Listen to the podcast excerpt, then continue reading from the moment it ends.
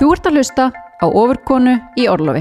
Ég heiti Bjargæi og í þessum þáttum ætla ég að fá til mín skemmtilega gesti sem hafa eld ástriðuna og látið drauma sinna rætast.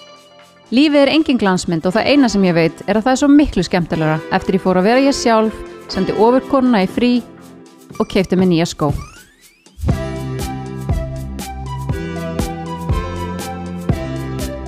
Til minn í stúdíu í dag er komin frábær gestur. Hún Dagbjörn Jónsdóttir sem er konan á bakvið fundið fjö. Og ég ætla bara algjörlega að leifa henni að kynna sér sjálf en ég ætla að taka það fram í upphafi að þátturinn er í bóði Visitor Ferðarskristofu, Lindags á Íslandi og Æsver. En verður hjartanlega velkomin, Dagbjörn. Kæra þakkir og, og takk fyrir að bjóða mér. Mín er svo sannarlega ánæg en ég bara vissi að strax þegar ég fór að staða með podcasti að ég vildi fá þeir sem gest og var búin að láta þið vita lungu áður en upptökur hófust að ég vildi fá þeir sem gest í þennan þátt að því að mér finnst einhvern veginn svo ótrúlega gaman að fá til mín áhugaverða einstaklingar sem að hafa eld ástriðuna og gert eitthvað svona aðeins út fyrir þægindaramann þannig að þú væri til ég að segja mér aðeins frá því hvernig þetta verkefni var til og frá þér. Já, takk fyrir það og hérna takk fyrir að bjóða mér. Um, Já, ég sem sagt heiti Dagbjörn og eins og þú bentur á mannskjanna bak við fundi fjö og hérna er uh, einkona, lefræðingur, móðir, búsett í Mósusbænum og hérna og já og, og uh, já, ég veit ekki. Sannkvöldið ofurkona? Já, uh, ég veit ekki, Ámar, er það hérna eitthvað sem maður á að kalla sig eitthvað ofurkona, ég veit ekki. En hérna, nei, nei, ég, eins og ég segi bara hérna, já, um, og ef að, ef að hérna pælingin er eitthvað svona bakvið, bakvið bókina eða bakvið fundi fjö að þá hérna blundaði bara alltaf í mér hérna svona já, áhugi á að gera uh, þessa bók. Og hafði gengið með þessa hugmynd í maganum alveg mörg ár. Og eins og þetta er stundum maður einhvern veginn uh, finn, finnur einhverja góða hugmynd sem að hérna sem að maður langar að koma í framkvæmt en svona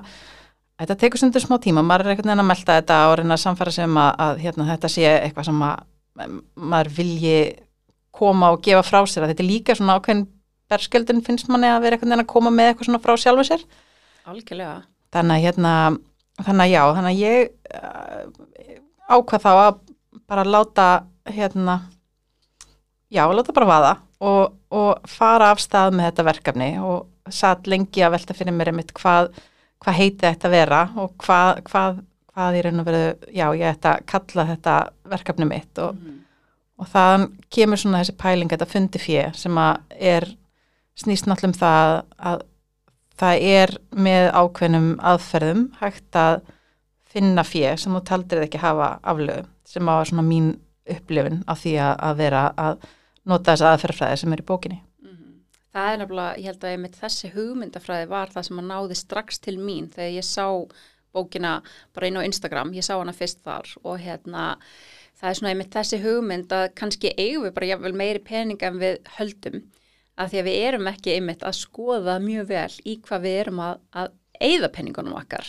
Þannig að svona þetta með að, að fara svolítið að skoða það og fara ofin í kjölinn að þar gætu við jáfnvel uh, fundið pening sem við eiginlega bara vissum ekki við ættum til að við vorum að eðunum alltaf í eitthvað annað Já, og líka kannski bara að peningin, peningurinn fór kannski eitthvað sem við töldum skipta máli mm -hmm. það er það sem ég finnst líka svolítið, maður þurfa bara að velta fyrir sér bara hvað skiptir mér máli hvar, hvar vil ég sitja mína peninga mm -hmm. og hver eru mín fjárháslega markmið og hvað vil ég gera? Og þá kannski kemst maður að því það er bara sumt sem að maður, þetta er hluti sem maður bara verður að eyði, það hefur engin áhuga að vera að borga eitthvað við gera kostnaðið eða eitthvað slíkt en bara stundum þurfa bara peningarnir að fara í ákveðan hluti. En, en svona þetta dagstaglega og þessi meðvutundum að, að vita nákvæmlega það sem peningarnir fara í og hvort þetta sé það sem við viljum. Og mm. þá bara taka með þetta ákveðunum og bara breyta. Algjörlega, mér finnst þetta bara ótrúlega góð pæling á bakvið þetta því að svona ef ég mitt kem aðeins inn á bara þetta með að veist, þegar einhver segir við mig orðið spara, þú veist að fyrsta sem ég hugsa er leiðilegt. Þú veist að spara er ógeðslega leiðilegt. Og kannski svona að mitt ástæðan fyrir því að hugsa það, það er bara því að þú veist ég er að tengja þetta við svona tímabili lífinu. Eh, námsárin, eh, fæðingar orlofin, maður er að koma sér upp heimili og og hérna hefur bara þungan rekstur, þarf að borga rosalega mikið og þú ert ekkit endilega með háar tekjur þannig að þú ert tilnittur til þess að spara og þannig einhvern veginn kannski ég myndi hugsa að þegar ég skoðaði bókina þína fyrst ég var svona, herðu, þetta er akkurat bókin sem að mig vantar til þess að fara inn í svona hugafarsbreytingu með sparnað. Að því að þegar ég þarf að spara, þú veist að bara kemur upp úr staða, þú bara hérna, þarft að sapna einhverjum penning, hvort að það er viðgerða bílnum eins og nefnir eða bara einhver þungu kostnæði sem maður þarf að eiga penning fyrir, að svona fyrsta hugsun mín er bara, óh, nú þarf ég að fara að spara fyrir þessu. En, en svona þegar að hérna, ég fór að kynna með bókina og hugmyndafræðina baka hana, þá svona fannst mér þetta kannski fara meira yfir í að það væri jafnvel bara jákvægt að spara. Að því að þannig myndi ég, þú veist, fara að ná einhverju markmiðum og mér var svolítið flott svona þessi tenging sem þú ert með, svona markmiðasetning tengt teng því að spara.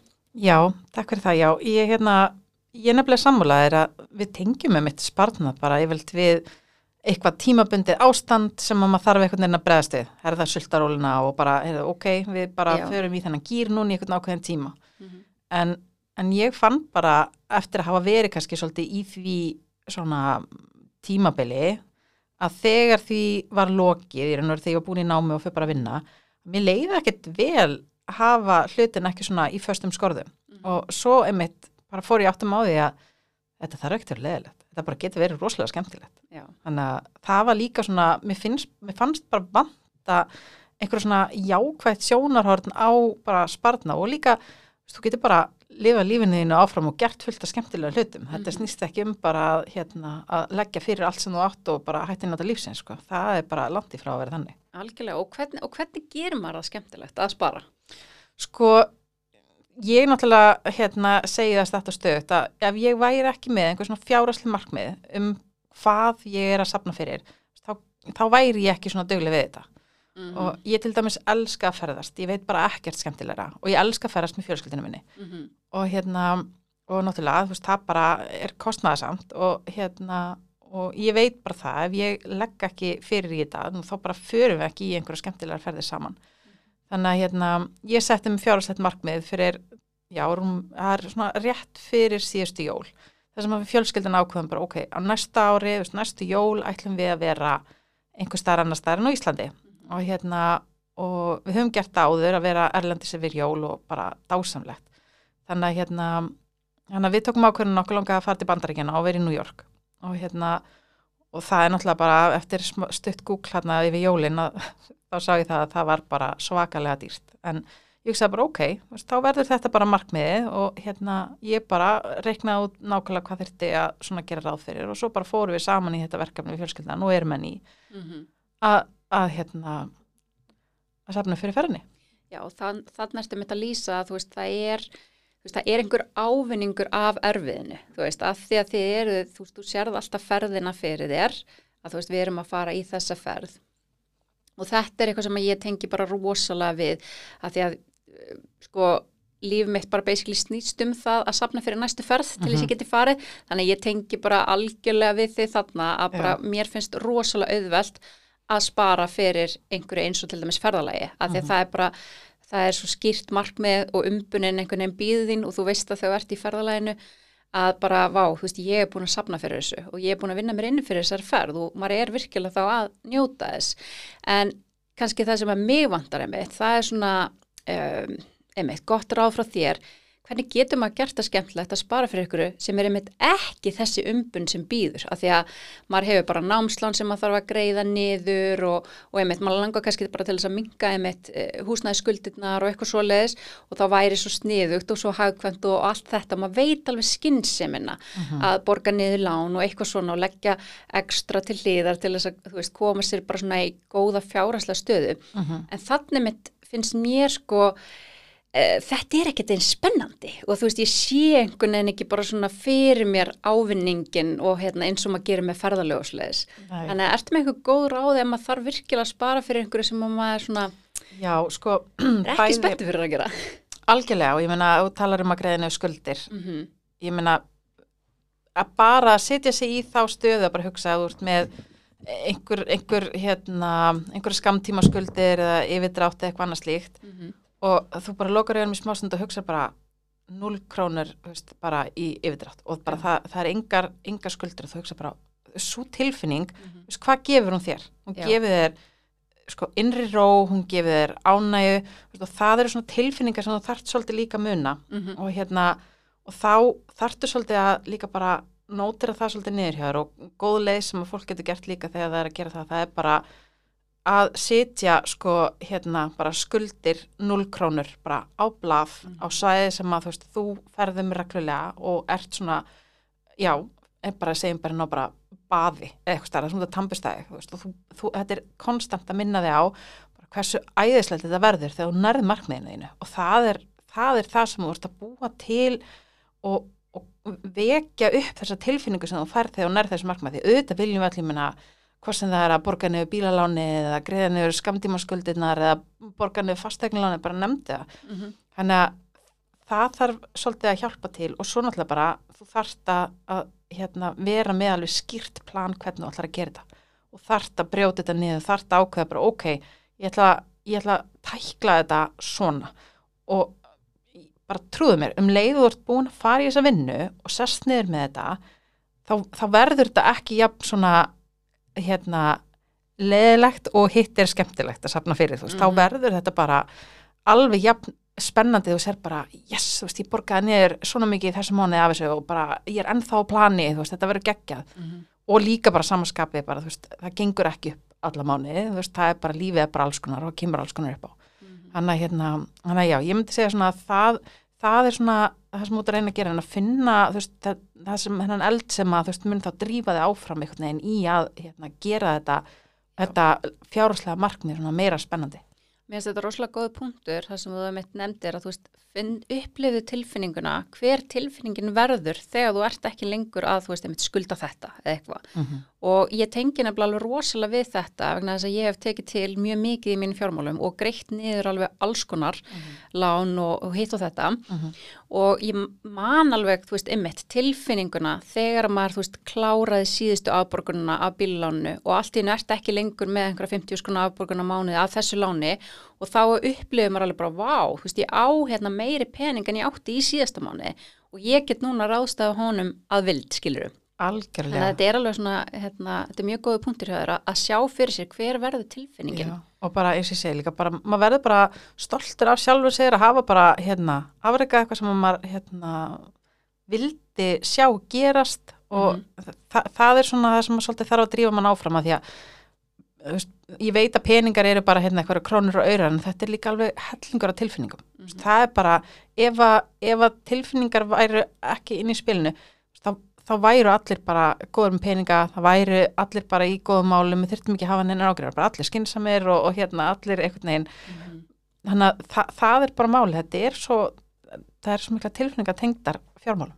Það er það og ég menna bara ef við horfum á sko, þú veist, þess að þú veist, bara hvatvísin sem kemur yfir okkur stundum þegar að, þú veist, ef við eigum bara einhvern dag svo líður illa og bara æð, þú veist, mér myndi líða bara aðeins betur ef ég myndi kaupa mér eitthvað smá, veist, það er svo mikið að skemmtilega netvæslum að skoða og væri nú gaman að eiga vona sendingu, pakka heim og allt þetta Algjörlega. og þannig erum við einhvern veginn svona uppfylla eitthvað sem að vantar Mm -hmm. En líka kannski það sem er svolítið stórt bara í okkar svona samfélagi, þú veist, það, það er náttúrulega bara þessi neyslu hyggja og neyslu menning og mér finnst þetta kannski svolítið bara, sérstaklega því að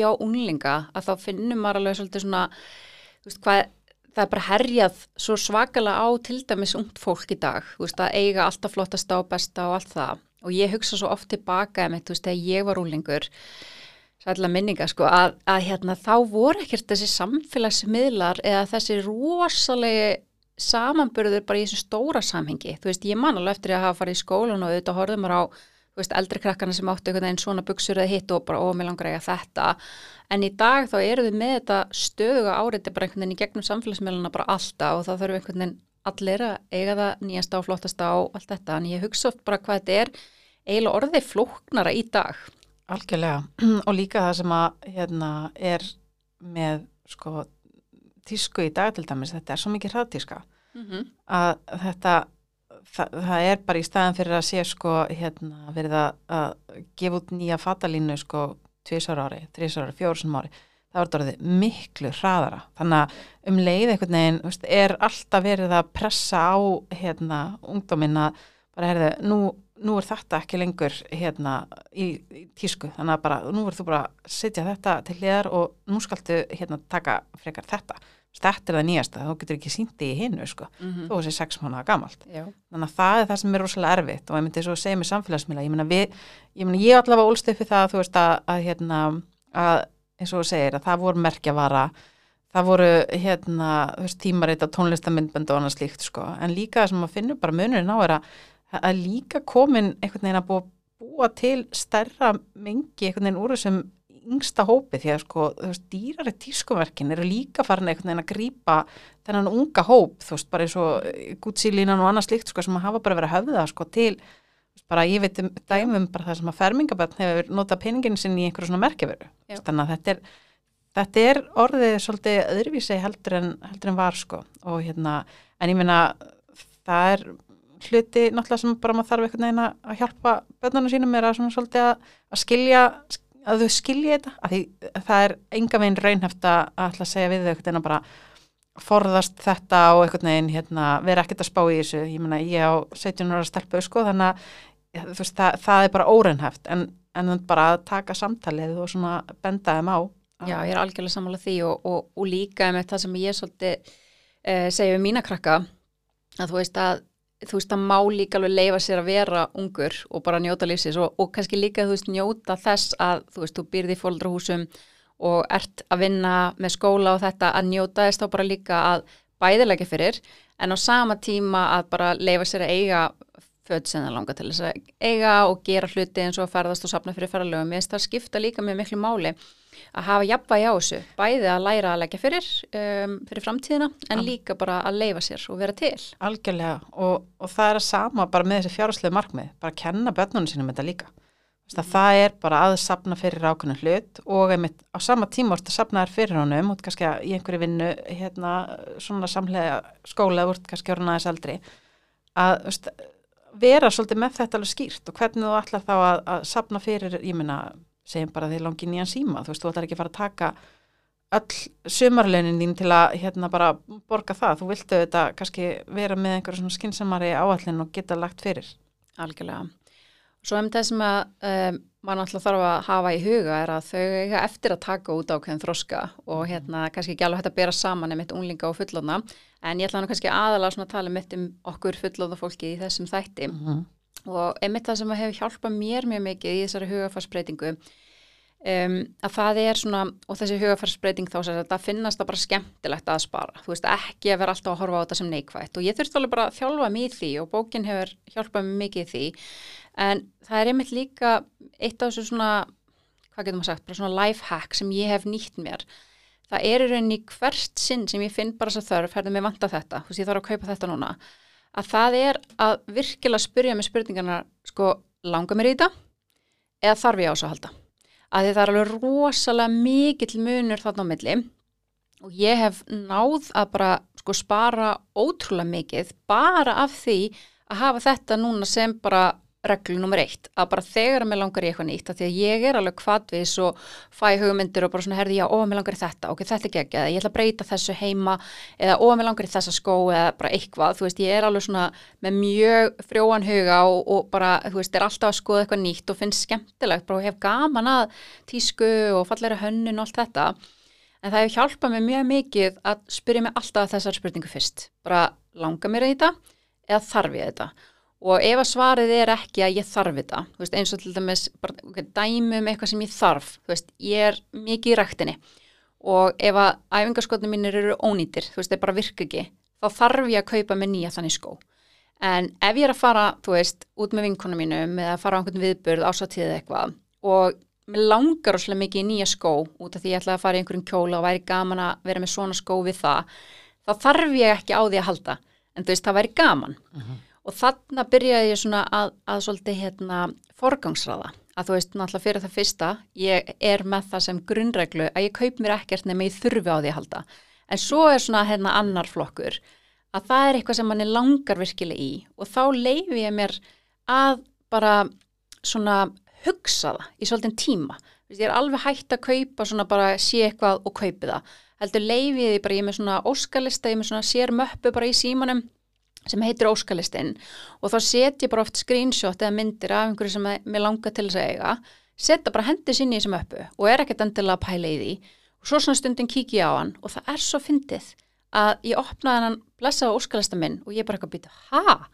Setti ég þessa tösku óskalistan, mér langar ekkert í þessa tösku Eða þú veist. Já, að því að það er einhvern veginn, þú veist þetta að hérna að við bara svona sjáum eitthvað og bara, ú, mér langar í þetta. Eða þú veist, það er tilbúið hérna, ég ætla að kaupa mér þetta núna eða eitthvað, en svo ef við hugsum betur um það, að þá er þetta kannski ekkert eitthvað sem okkur langar rosalega mikið í, það var bara svona einhvern veginn í, Í augnablikinu Já, í augnablikinu að þú veist, þá hefði það verið gaman. Já, bara, og þetta er bara ótrúlega hérna, vel gert. Þetta er, er nefnilega eitthvað sem maður þarf svolítið að vera dugleri bara að taka svona bara innra samtali við sjálfa sig. Bara stoppa og segja bara, heyrðu, nei, byrju nú, ok, Björgei, byrju, hvað hva ertu nú að hugsa bara allar að gera þetta til hvers, einmitt, vantar þið þetta?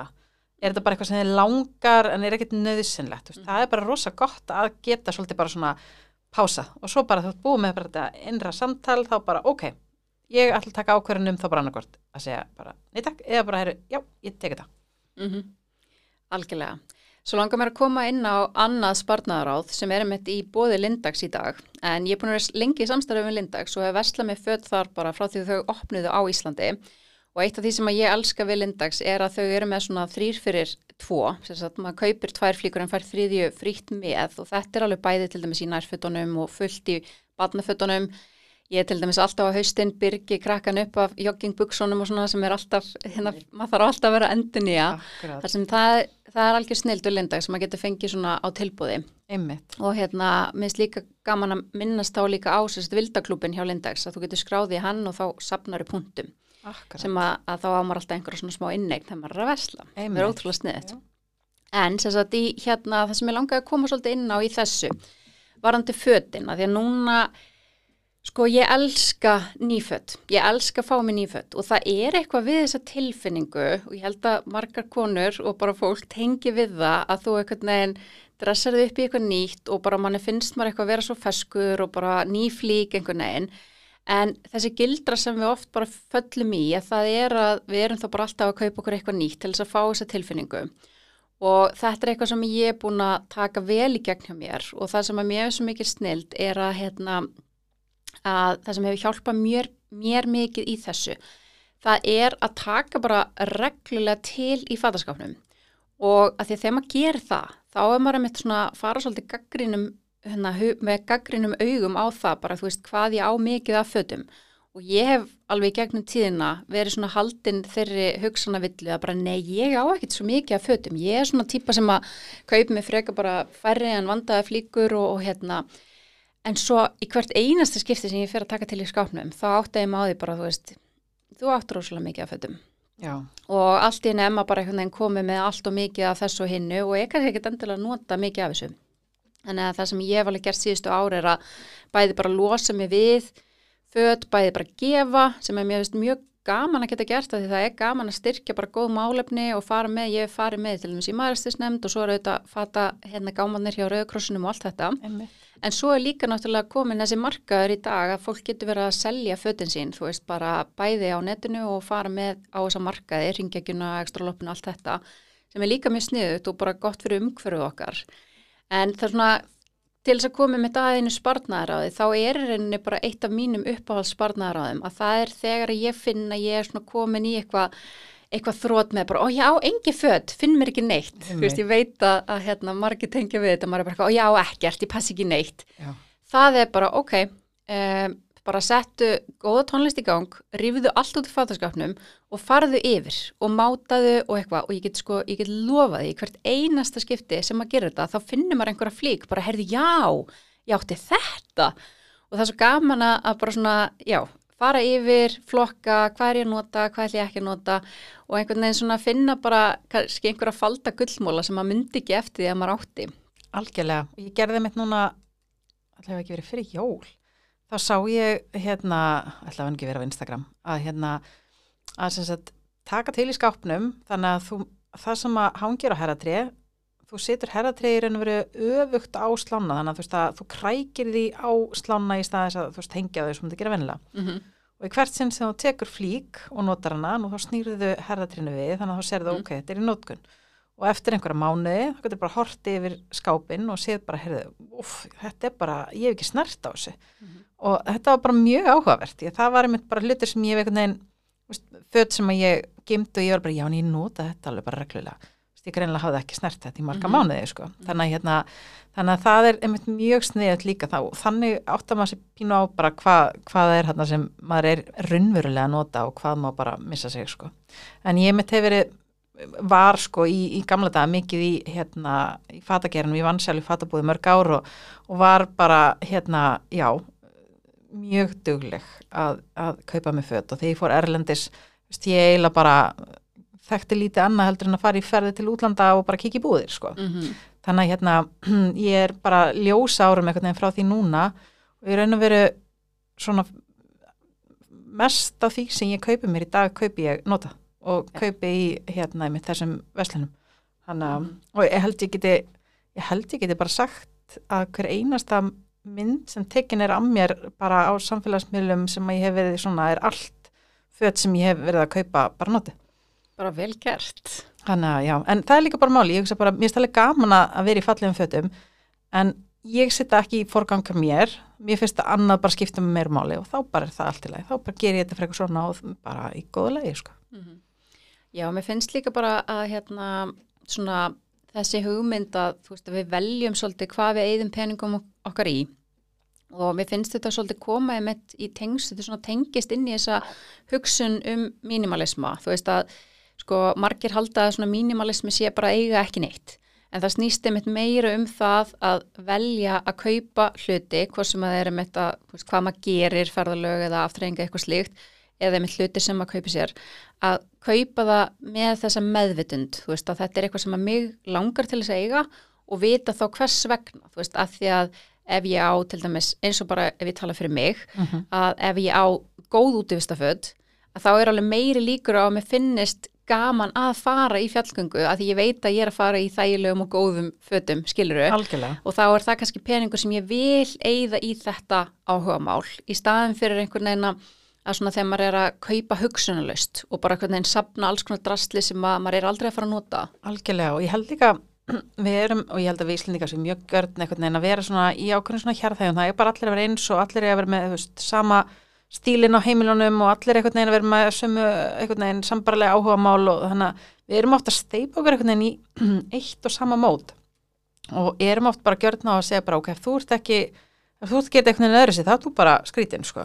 Þannig að hérna þannig að ég held að það skiptir líka bara máli. Bara vera óhrættur um að, að vera bara þú sjálfur og taka þínar ákvarðanir, hvort sem það þýðir að þú bara kaupið þér bara nótu föt eða kaupið þér bara, bara leifið þér að kaupa föt af því það er bara það sem að gefur þér mest ánæg og það er bara innan þíns ramma og þinnar áallinar og það sem bara þú hefur efna og þá, þá er engin annar að fara að segja til um bara já nei þetta er ekkert skinsamt að gera það. Þú, þú þú veist, við bara stýrið sko. þú ræður hvar þú ætlar að láta áallina þín að liggja þannig að mér finnst það líka skipta svolítið miklu máli, ég meina, jú, auðvitað, þú veist, það er mikilvægt að, að hérna, að fara skynsalega með peningan og upp á það, þú veist, leggja fyrir í spartna og vera með eitthvað svona plan, en það þýðir ekki að, hérna, að þú meir ekki hafa einhver aðra skoðun á hvað peningarnir þín fari í heldur en eitthvað annað, sumum finnst bara aðeinslega að keira um á okkur frábærum bíl, að menna öðrum bara gæti ekki verið meira sama á hvað tækið þau keira, sko. Þannig að þetta er líka bara það, bara vera óhrættur um að,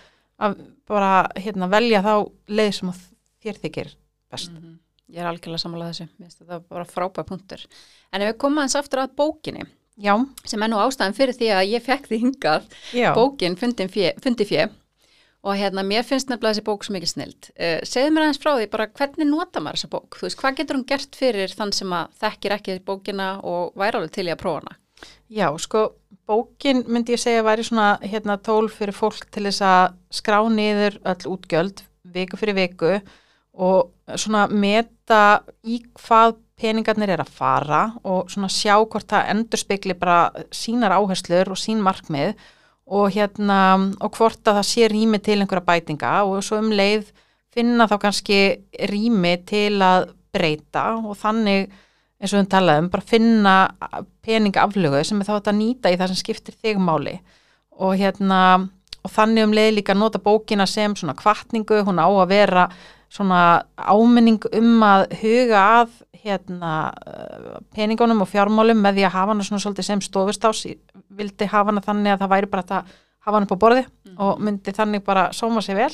Þannig að, þannig að það veri svona og breyta þá svona svolítið hugafærin ég er bara svona, ó, þú veist, ég þarf að fara hana heimabankan eða, ó, ég, hérna, það er að koma mánaðamót. Mhm. að þá er þetta bara svona breyting á hugafæri hægt og rólega. Þannig að þetta hættir að vera svona og ég meina fyrir sum er þetta bara mjög kvíðvaldandi að ræða um peninga og fjármál og ræða um sína einn fjármál. Þannig að þetta átt að vera svona leið til þess og gera þetta skemmtilegt þannig að það væri áskoranir og hérna svona skemmtileg verkefni sem þú getur gert samhlega líka. Mhm. Algjörlega, ég mitt alltaf að vara fólk við sko, sem að ákveður að fá sér bókina að prófa að maður getur fengið smá sjokk nefnilega þegar maður fer að skrá allt niður að því að þú veist, ég mitt hugsaði bara já, þú veist, ég er með svona þessa sirka upphæð á mánuði í þennan flokk, kannski bara segjum matvara og sirka bát þessa hérna upphæð í eitthvað allt annað, kannski aftreng eða líkamsrægt eða hilsa eða eitthvað. Og svo þegar ég fór að skrifa þetta allt niður og fór bara hérna, hérna, hérna fylgjast með þér en einhverju einustu færslu að þá var maður alveg svona já, ok hérna matakostnaðin er kannski bara töluvert hærri en ég gerði ráð fyrir að hann væri. Eða, eða þú veist, herri, ég bara í það miklu meiri pening í fatnað en ég gerði mér bara grein fyrir ég var að gera. Þannig og það er algjörlega máli og það er einu verið ástæðan bara fyrir þess að bók verður til er að því að mér fannst ég einhvern veginn ekki sko, eitt er að geta bara nota einhver forrið til þess að fá yfir sín einhver útgjaldaflokk mér fannst ég ekki bara sittast niður með fjármálunum mínum og vera bara eitthvað svona, heyrðu, ok, hvað þarf að breytast hér? Mm Mhm. Því að það er svo auðvelt að bara opna upp og vera bara eitthvað, já, ok, ég er komin inn upp í, þú veist, 100 ást í mat, hm, ok, Mhm. en, en eitt er að vera bara, af hverju er ég að fara fjóru sinni í viku í búðina, hér þarf eitthvað að breytast og ég er alltaf að fara í einhver svona fyrir, ok, hvað ætla ég að gera, ok, í næstu viku þá ætla ég að setja mig markmið, veist, ég ætla ég ætla bara einu sinni í búðina í eina innköpferð og svo kannski bara eina litla ef ég þarf á að halda Mhm. og þú veist, ég ætla að setja mér þá bara markmið um að þú veist, ég ætla að eða 20, 30, 40 í mat eða eitthvað svoleiðis og það verður bara ekki farið yfir það og sjá hvernig það gengur Mhm. Mér finnst þetta nefnilega frábæð punktur að því að þannig er ég sko búin að fara bara með líðu svona smá einhvern veginn eins og ég sem eitthvað svona mastersprófi sparnaði þegar kemur að mat að því ég er bara búin að gera þetta svo ógeðslega oft með stórt heimili að Einmitt. taka þetta í gegn þú veist að, að hérna passa peningi betur hvað er að fara í maturu Mhm. að því að mér finnst skipta rosalega miklu máli fyrir mig að bjóða upp á heilsusamlegan og góðan og hollan mat og það kostar og þá þarf maður líka að passa sér samt að veist, það er að falla í alls konar gildur og maður er eitthvað að hugsa, ég er bara að kaupa það sem maður vantar en svo er maður bara að kaupa fullt af einhverju óþóradrasli sem maður vantar ekki neitt Mhm. þannig að þetta er mjög góði punktur að fara inn í þetta og, og einmitt þú nefnir með búðaferðnar þetta er rosalega lúmst, það ert alltaf að stoppa í búðinni þá ertu alltaf að taka meira en þú ætlaði þér en hins vegar, þá fann ég það ég prófaði nefnilega alveg í nokkur ár ég var einhvern veginn svolítið först á því að þú veist, maður ætti bara að vera með eina svona góða innkaupaferð á viku Mhm. og var með matsela í gangi og svona en ég fann það alveg þú veist það hendaði til dæmis minni fjölskyldu ekki. Þú veist núna erum við með það alveg fast að við fyrir þess að einu sinni eh, um helgi og verð gerum svona viku innkaup Mhm. en svo erum við með eina búðaferð í vikunni þar sem ég tek meira svona feskvöru að því ég kaupi mikið ástum og grammiti og mér fannst það til dæmis bara alls ekki virka að fara bara einu sinni. Að því að svo fann ég kannski ekki allt sem ég vildi og þá er svona þessi bú, búð, búðaferð í miðri viku. Hún svona er Akkurat. þessi ferð sem ég þá pekk upp meira af þessari feskvöru sem ég vantar. Já, og þá svona fyllir mitt á það sem að e, upp á vantar fyrir næstu inköpaverð. einmitt, það er mjög sniðut einmitt sko. Ég er alveg sammála, kannski erfitt einhvern veginn að ætla að gera ráð fyrir öllu mögulegu sko í einni ferði viku.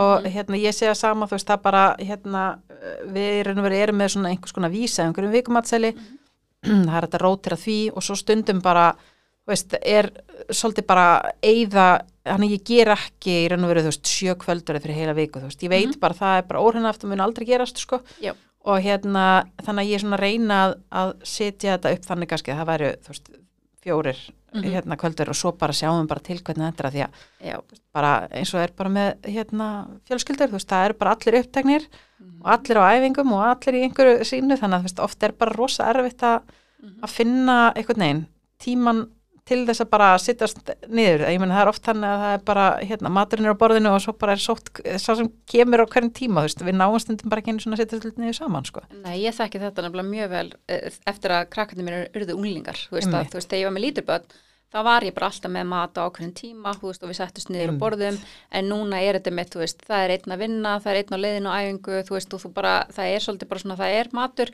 og svo er bara gaman að sjá hversu margir mæta, en, en, en, en svo þetta fá sér allir þegar þeir koma heim og allt það.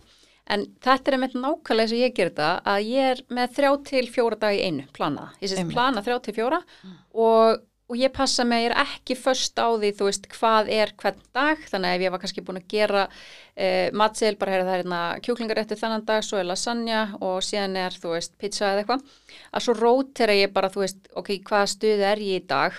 Og þá líka, Einmitt. þú veist, einmitt maðurinn minna, því við skiptumst á að sjá matinn og veist, þegar hann sér um matinn þá sendi ég bara, veist, hann spyr mig oft þú veist, byrju, hvað er í matinn í kvöld? Ég segi bara, að þú veist, það er til í þetta og þetta, þú bara ræður Já, og þú veist, mér finnst þetta er þægilegra og því að ef ég myndi gera svona fastan matseðil, Mhm. þá kæmið sko mótróin upp í mér bara eitthvað, æ, mér langar nú bara ekkert í hérna kjúkling í dag. Þetta ekki bara haft pizzuna? Þú veist, og þá er bara betra að vera með þetta fyrirfram ákveðið ég sko, e, sko eitt af því sem ég er ógislega góð í, það er að spara í mat. Já, það Og- er og- mjög mikill kostur að geta það. það er það. Og, hérna, og ég er rosalega dugleg að nýta alla afganga. Og þegar ég til dæmis sem ger einhverja svona kjúklingarétti eða eitthvað þannig þá er ég alltaf nýtið daginn eftir og gerir kjúklingasalat eða þú veist, gerir eitthvað pasta með kjúklingi og bara þú veist, ég passa mig alltaf að nýta allan mat og grænmyndi og allt þetta.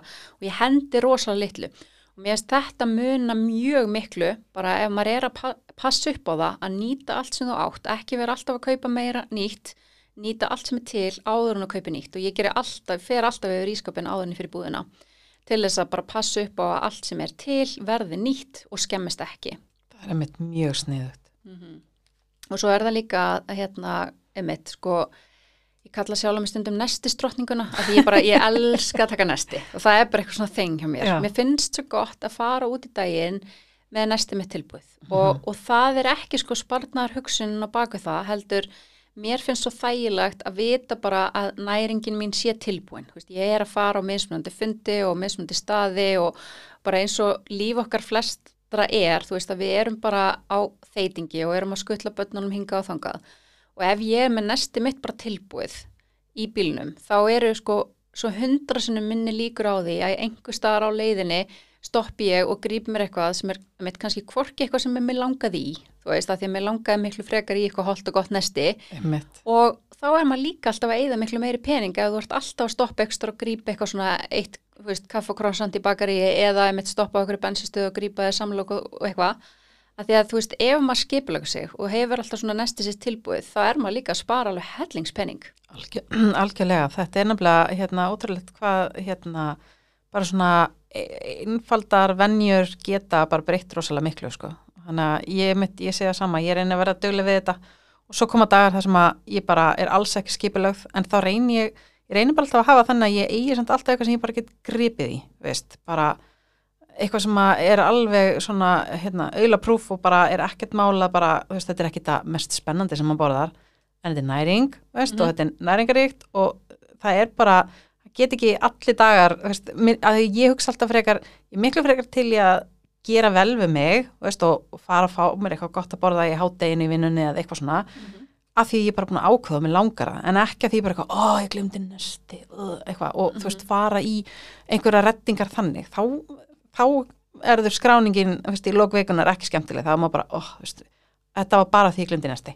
Veist, Já, ég er sko svo innilega með þér þarna að því að einmitt eitt af því sem að gefa mér bara ótrúlega mikla, þú veist, andlega næringu það er líka að plana inn í vikunni jafnvel að mitt eitthvað háteðisteit með vinkonu Mhm. og hittast á einhverjum stað þar sem við fáum okkur eitthvað, þú veist, næs háteðisverð og Einmitt. hérna, og þa þann það hugsa ég líka algjörlega sem þú veist, þannig er ég bara að trýta mig, þú veist, maður Já. er að gera eitthvað skemmtilegt með vinkonu eða bara með, með sjálfum sér, bara Mhm. í dag ætli ég að fá mér eitthvað gott að borða sem mig langar í Mhm.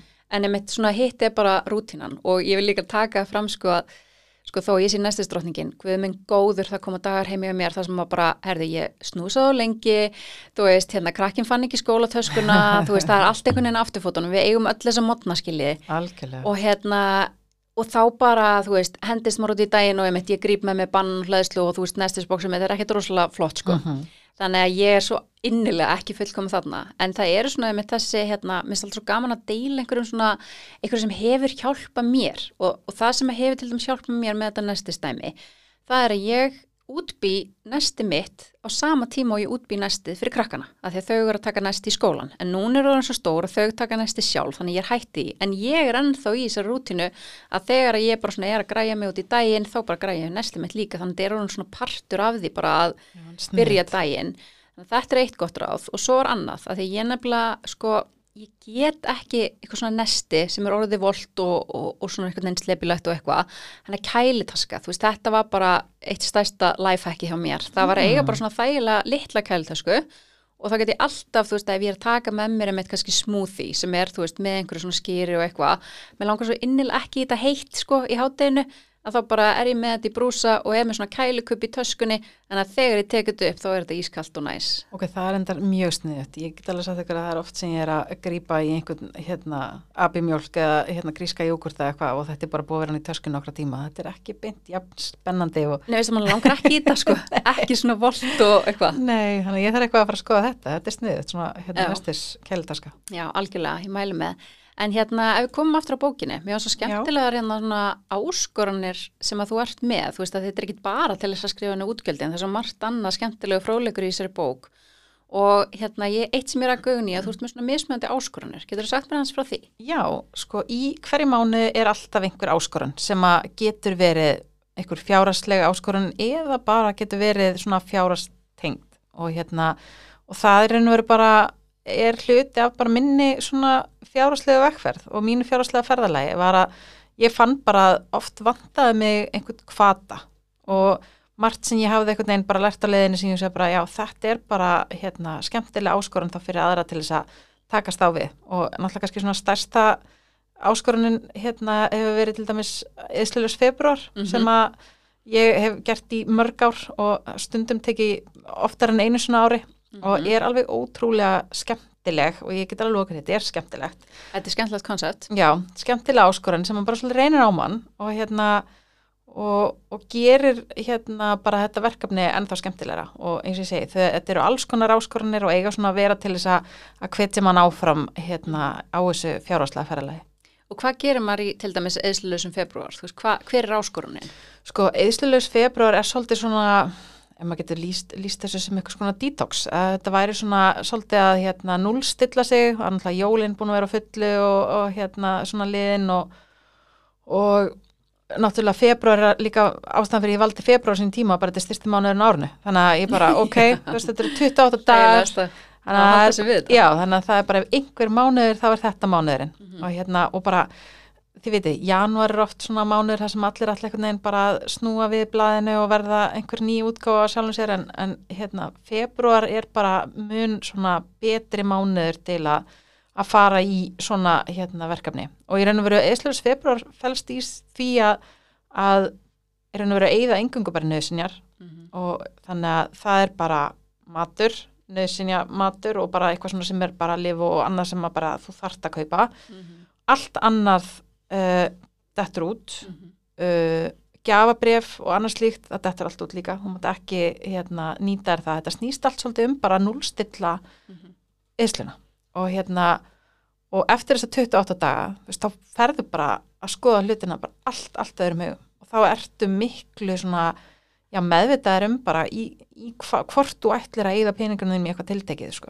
og, Mhm. bara, og það með mynd að fara bara út í eitt kaffibólla eða út að borða eða eitthvað verður bara miklu meiri aðtöfn heldur en að bara æmitt, retta næst í hátteginu það verður bara einhvern veginn allt, allt, allt öðru sig þannig að, og ég meina hvort sem að þú ákveður að taka bara viku eða tíu dag, þú bara gerir þetta á svona þínu forsendum Mhm. en þetta fær mann rosalega mikið til þess að hugsa og svona hérna endur forritar mann svolítið sko. Mm Ég er algjörlega sammála þessu og hérna og minnst þetta mitt sko, kemur inn á þetta og þú verður að innmitt spyrja þig þessar spurningar þarf ég þetta? Mhm. eða langar mig bara í þetta? Algjörlega. að því þarna ertu með að segja þú veist þú kaupi bara það sem þú virkilega þarft á að halda eins og matvara, lif, eitthvað, eitthvað þess áttar en svo finnst mér nefnilega svo skemmtilegt sko, ég er nefnilega búin að- að taka þessa áskorun að taka þess að hérna, Æði. eðsluðsan februar Já, en, það var alltaf að vera eitthvað tvist. Já, þetta getur sko alls ekki verið februar þú veist, ég á ammali í februar og svona minn á ammali í februar og ég eh, síðustu ár reynd að vera erlendis í februar til þess að fá smá sól og hérna létta aðeins lífi í skamdeginu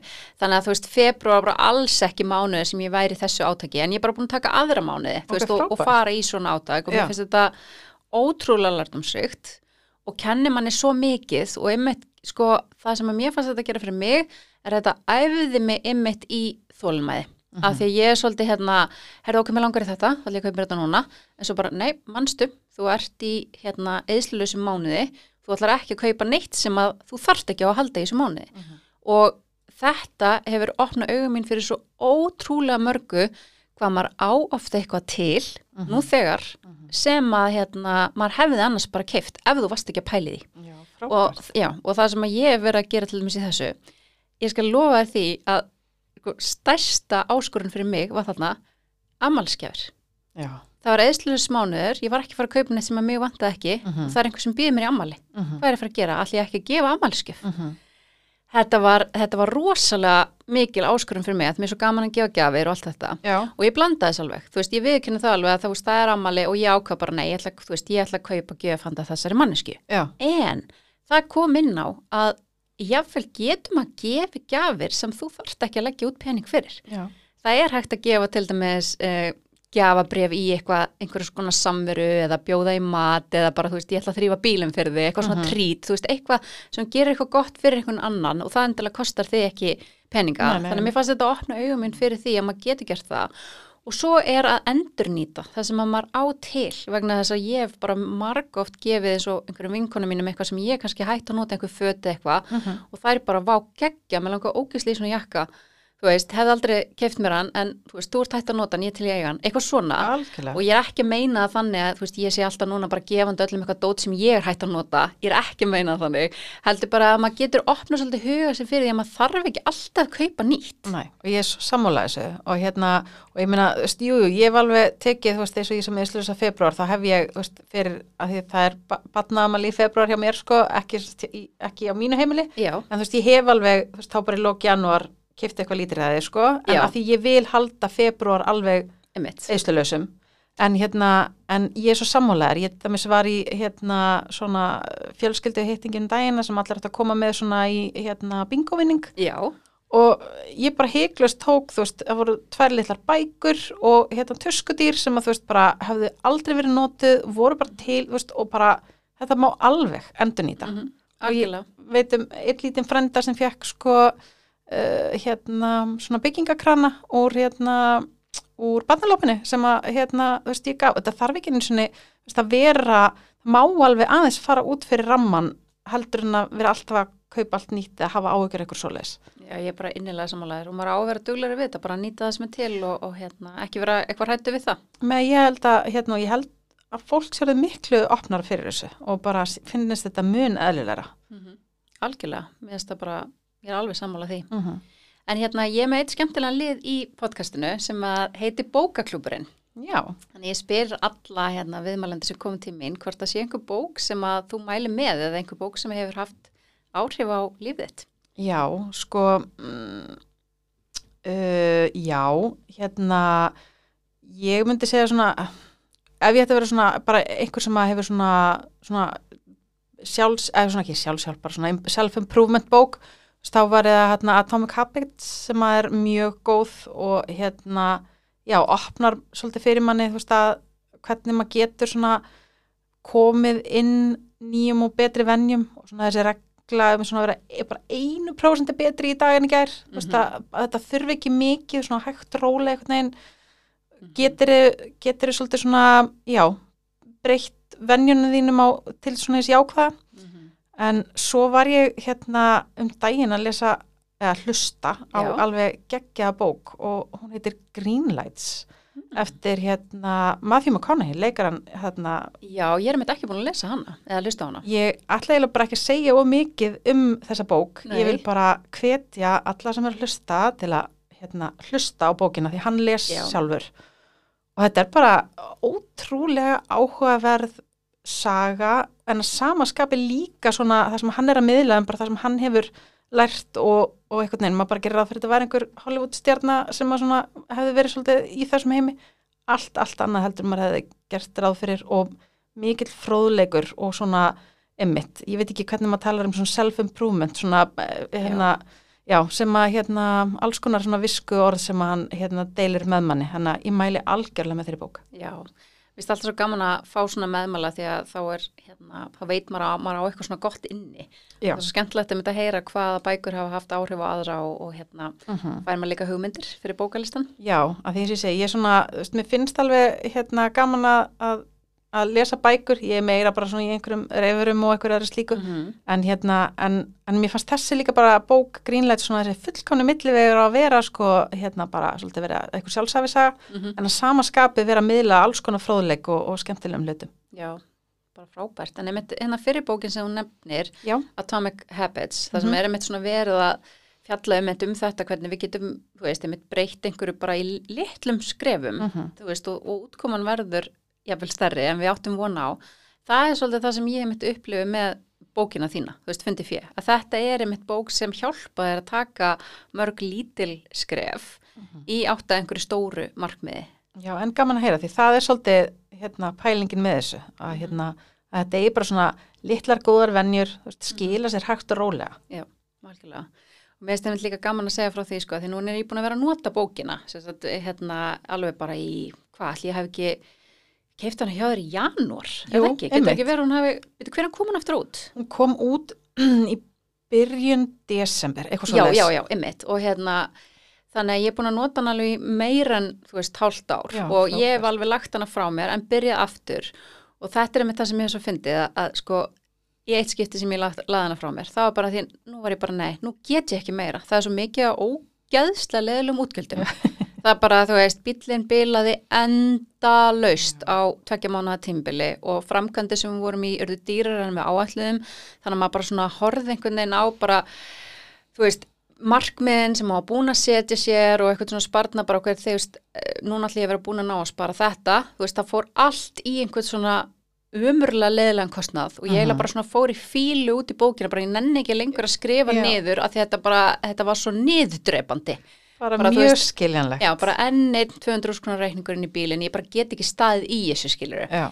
En svo að því mér finnst bókin svo skemmtileg og hún hjálpa mér svo mikið um þetta að setja mér markmið og þá tek ég hann alltaf aftur upp sko, þannig ég er alveg með bókin er í sátt og einmitt það sem að hjálpa mér er að hún er svo flott, þú veist, ég er alveg tilbúin að hafa hana bara upp á borðum. já, gaman að heyra. Já, að því að þú veist, sumar einmitt einhverja svona bækur er bara ekki fallegar, þú veist, e, þú veist ekkert endilega einhverjar sem vorst að skrifa niður fjármálaðin en bara eitthvað svona, eitthvað svona skipulagsdæmi Mhm. að, þú veist, að það er einmitt það sem að þarf að vera, þetta verður að vera fyrir augað fyrir mig, annars bara er ég ekki fara að nota það. Nei, ég segi það sama. Og það sem ég lagði mjög mikið upp úr var sem sagt útlitið og þyktin á blöðunum. Mm Ég Já. bara, ég meik ekki að vera að skrifa veist, á eitthvað blað og mista einhvern veginn þegar ég sný hérna, síðunni við þá finnst mér einhvern veginn vera búin að, textin halvkomin í gegn hana, það var mjög, þess sem er ástæðan fyrir að þetta er náttúrulega, hún er alveg smá dóðrandur þessi bók mín, Já, en, hérna, en það er meðal annars að því að ég vil hafa þetta Mhm, Algjörlega. svona góð.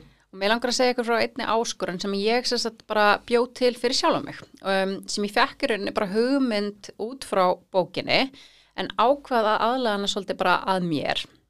En áður en ég segja ykkur frá þessari áskorun og hvernig ég sparaði mér 10.000 þá ætlum ég að segja ykkur frá öðrum samstarfsæðala. Ég er sérst í samstarfi við Æsver og það sem ég er svo geggja við Æsver er að hérna, þau bjóða upp á svona vinir Æsver, klúpur, þar sem þú skráir bara netfangið þitt og nafn og allar upplýsingar.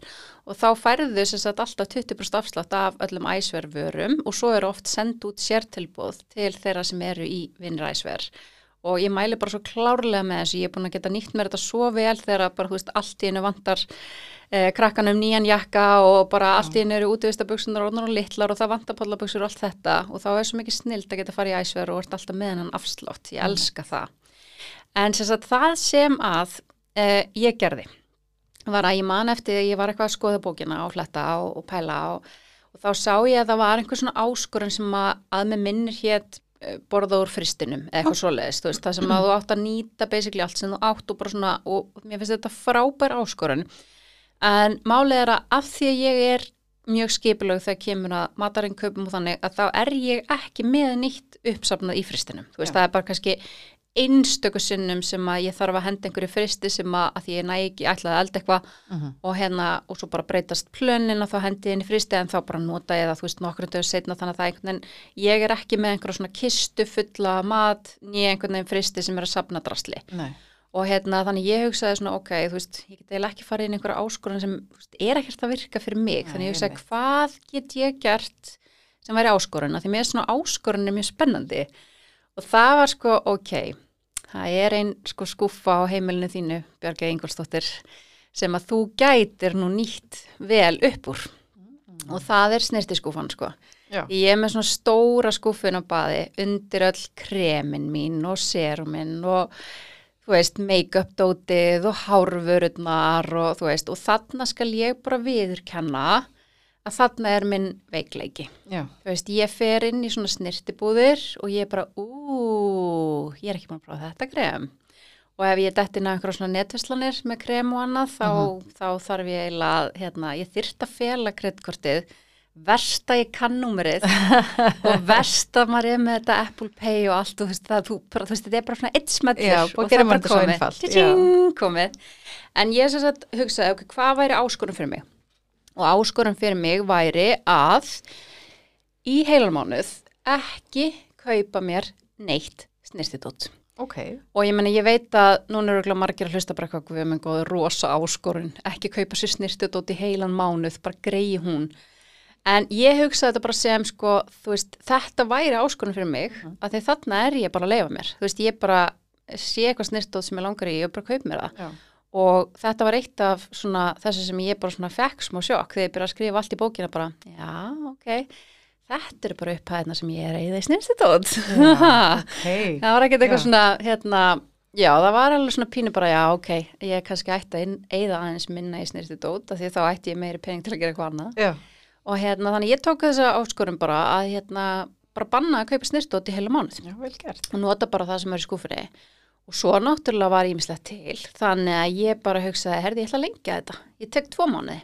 Já, frá. Og hérna, og þá bara var að fara að ganga á, þú veist, ímsa byrðir, bara þú veist, uppáhaldskremin, löngubúin og þetta og hitt búið, en Já. kannski átti ég eitthvað annað sem að væri alveg sniðið að klára úr Mm og hérna, og ég var bara þegar ég búið með tvo manni, þá var ég alveg svona sem að það var taks fyrir framöndan í haugköp og allt og ég var alveg komið með lista af það sem að mér bara vantaði, Já. en ég sagði, nei, ég ætla ekki að þriða.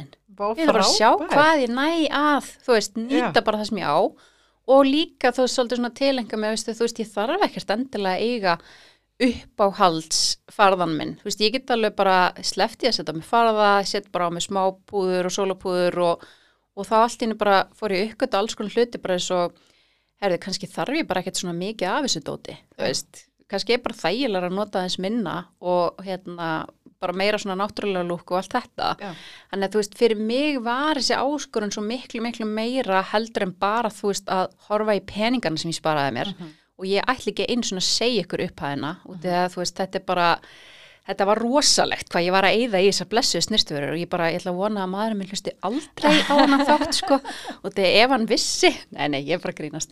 En allavega, þetta var, þetta var góð lærdómur. og mér finnst þetta svolítið vera hérna, það sem að bókin hefur svona hjálpa mér að bara finna út, þú veist, ok, hvar eru veikleikandi mínir þegar kemur að peningum Mhm. og hvar eru styrkleikandir, að því ég held nefnilega líka að, þú veist, oft þegar við förum inn í einhverja svona hugsun, bara eitthvað nú þarf ég að fara að spara og eitthvað, að þá eru við með svona neikvætt hugafar í okkar garð, að bara, ok, ég get aldrei sparað, ég, þú veist, ég á ekki eftir að ná sem markmið eitthvað, líka svolítið að horfa, beti, hvað er ég að gera vel? Og þú veist, það, það hjálpaði mér alveg þegar ég fór í gegnum að nota bókina, að bara svona sjá, just, já, ég er að gera mjög vel þegar kemur að bara matarinköpum og að taka nesti og alls konar. En opnaði síðan líka augum mín fyrir einhverju sem ég vildi ekki sjá.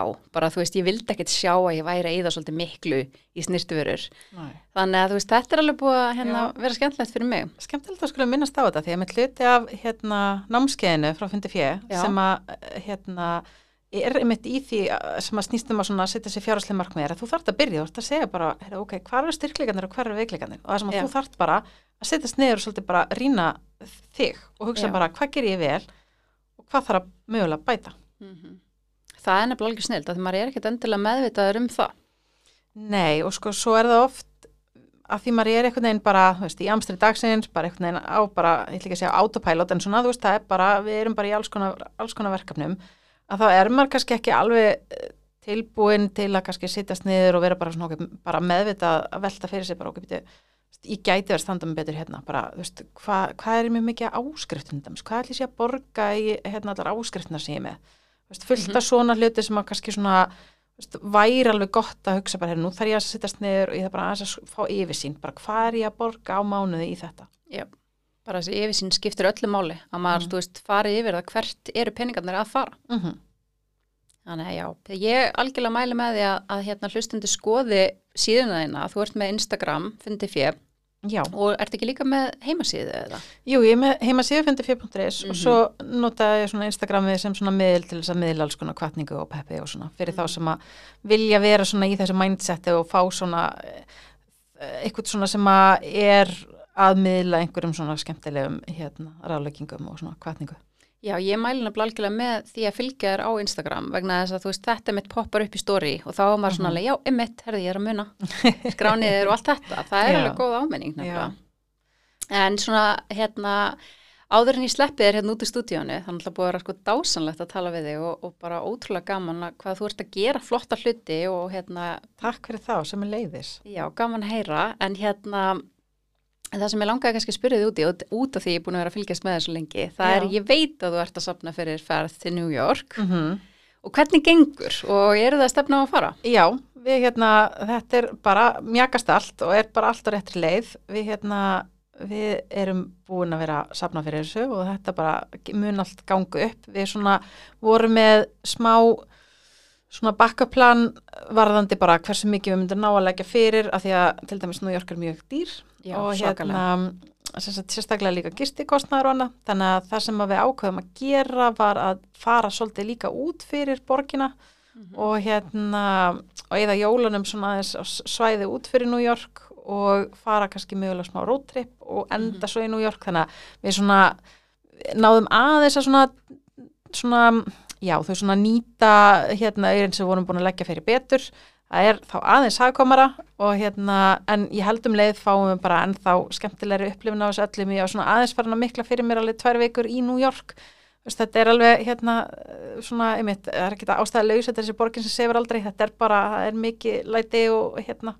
Þannig að við einhvern veginn hugsaðum að það gæti verið gaman að dreifa meira aðeins úr svona þessari upplifin og fara víðar, þú veist þannig að við til dæmis gistum, munum gista á hérna á svona litlu bondabíli einanótt í einhverju svona eh, litlu húsi sem að er á bondabæ sem að hérna er náttúrulega allt, allt öðru seldur en kannski það sem við ætlum að eða jólunum sem er svona aðeins meir íbyrður en þú veist, mm -hmm. við viljum bara búa til svona hafa þetta í bland þannig að þannig náum kannski aðeins að draga kostnanum en hérna, en þetta bara gengur rosa vel sko og hérna og, og við erum bara mjög spennt og já, við erum allir mjög spennt að fara mm -hmm. og þetta er mér finnst þetta svo skemmtilegt hjá okkur hvernig þið eruð að sagt, svona gera þetta öll saman sem fjölskylda veist, ekki bara með hérna, mamman eða pappin einhvern veginn alltaf að fylla út ykkur áallun og, og hérna uh -huh. bara há ég þarf að spara, ég þarf að spara, ég þarf að ná þessu að uh -huh. þið eru svona að blanda, veist, bara öll fjölskyldan tekur þátt. Algjörlega og svo eins og til dæmis í hérna þessum eðsluðlösa februar sem ég var í núna uh -huh. þá var ég búin að sjá fram á að þú veist ef við myndum standa okkur vel þá myndum við gætu við mögulega átt svona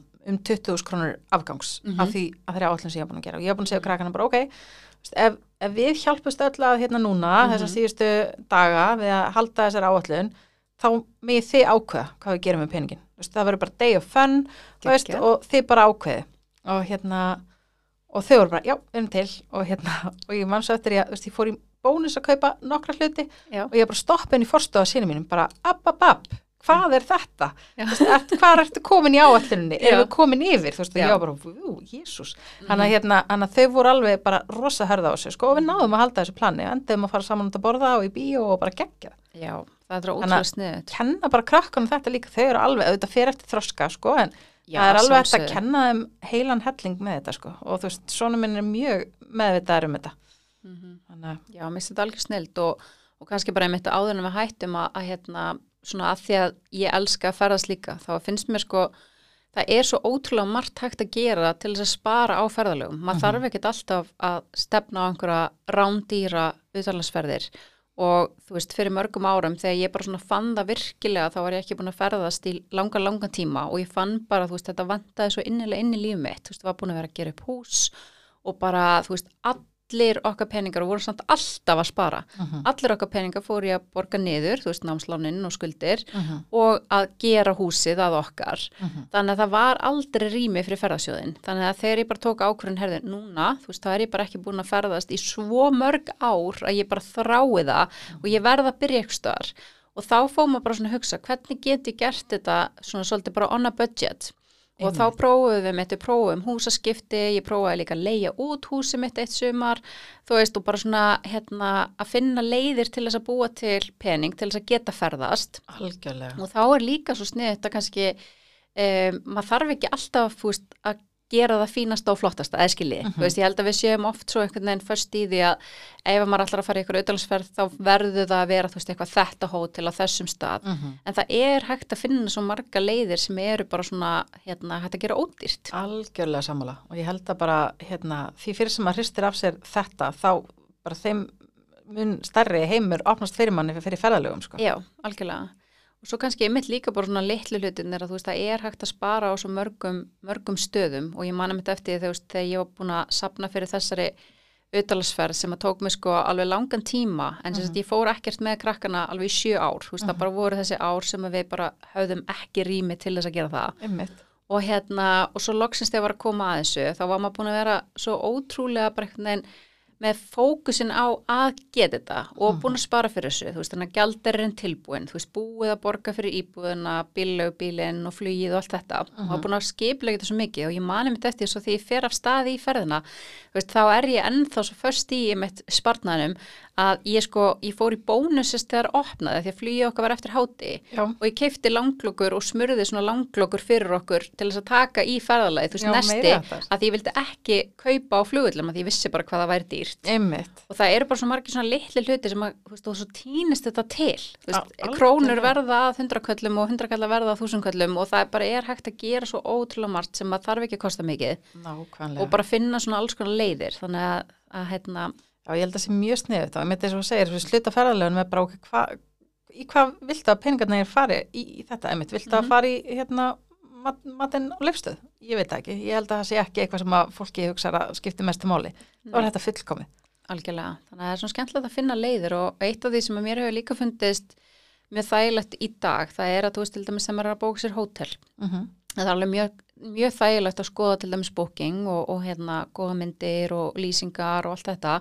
Og mjög gott að bóka kannski inn á booking með svona möguleika á frí afpöndun, þannig að frí cancellation. Já, og svo getur maður fylgst með og hérna þetta oft kannski inn einhver önnur tilbóð og ég skoða líka alltaf síðunar hjá hótelunum bara beint til þess að Einmitt. kanna hvort það sé eitthvað tilbóð og mjög oft er eitthvað svona vildarklúpar hjá hótelunum, ef þú skráið hjá hótelinu þá færðu afslátt akkurat. Þannig að það er mjög gaman að skoða þetta og eitt er mitt gott dæmi um þetta sem ég nýtti mér einsinni var að við vorum að fara sérst í, í brúðkaup út í Fraklandi hjá vinum okkar. Og hérna og vorum að sapna bara fyrir þeirri ferð og mér langaði til að bóka eitt hótel sem var alveg veist, það var fimm stjórnu hótel og mér langaði svo mikið að þú veist trýt okkur og fara á svona flott hótel en ég hefði enga megin efni á þessu hóteli, þú veist, þetta var bara hérna algjörlega rándýrt hótel og það var veist, mjög fjarrir lægi að ég var að fara að gista á þessu hóteli. Já, nema það að ég bara bókaði annað hótel sem var miklu ótrýra og bara, veist, passaði fyrir okkur með svona fyrir afpöndun Mhm. nema því að svo var ég náttúrulega alltaf að láta mig dreyma. Þá var ég alltaf að skoða hitt hótelið. Þú veist, það var alltaf að skoða myndirnar og sjá Já. þetta fyrir mér að það væri nú næs að vera Já. Herru, detti svo ekki bara einn ein daginn inn á það að það var á 70% afslætti inn á booking. Nei, þannig að það endaði sérst í það var ódýrara heldur en hitt Ah. hótelið sem ég hefði bókað mér. Þannig að ég gætt cancela því og bókaði þetta drauma hótel á 70% afslætti. Þannig að þú veist bara þetta að vera líka vakandi Já. og fylgjast með tilbúðum og svona það getur alveg oft spara manni helling. Algjörlega bara algjörlega, einmitt, maður þarf að einmitt að passa upp á þetta sko. Því að þetta, þetta getur alveg skipt helling sko. Æðislegt þá bara allir að þakka þér kærlega fyrir komuna það var virkilega gaman að hérna, spjalla við þig og og miklu frekar bara takk fyrir að bjóða mér að taka mótið mér, þetta að vera dásanlegt bara mín var ánægjan þannig að ég bara mælu með því að þið fylgir dagbyrtu á fundi fjö og lærið að finna ykkar eigið fjö. Þetta er gaman að spara. Ég er búin að komast á því eftir ég byrjaði að nota bókina þína. Já, dásanlega að heyra. Gaman að heyra hvað þú ert hérna búin að vera dugleg við hérna. Takk fyrir það.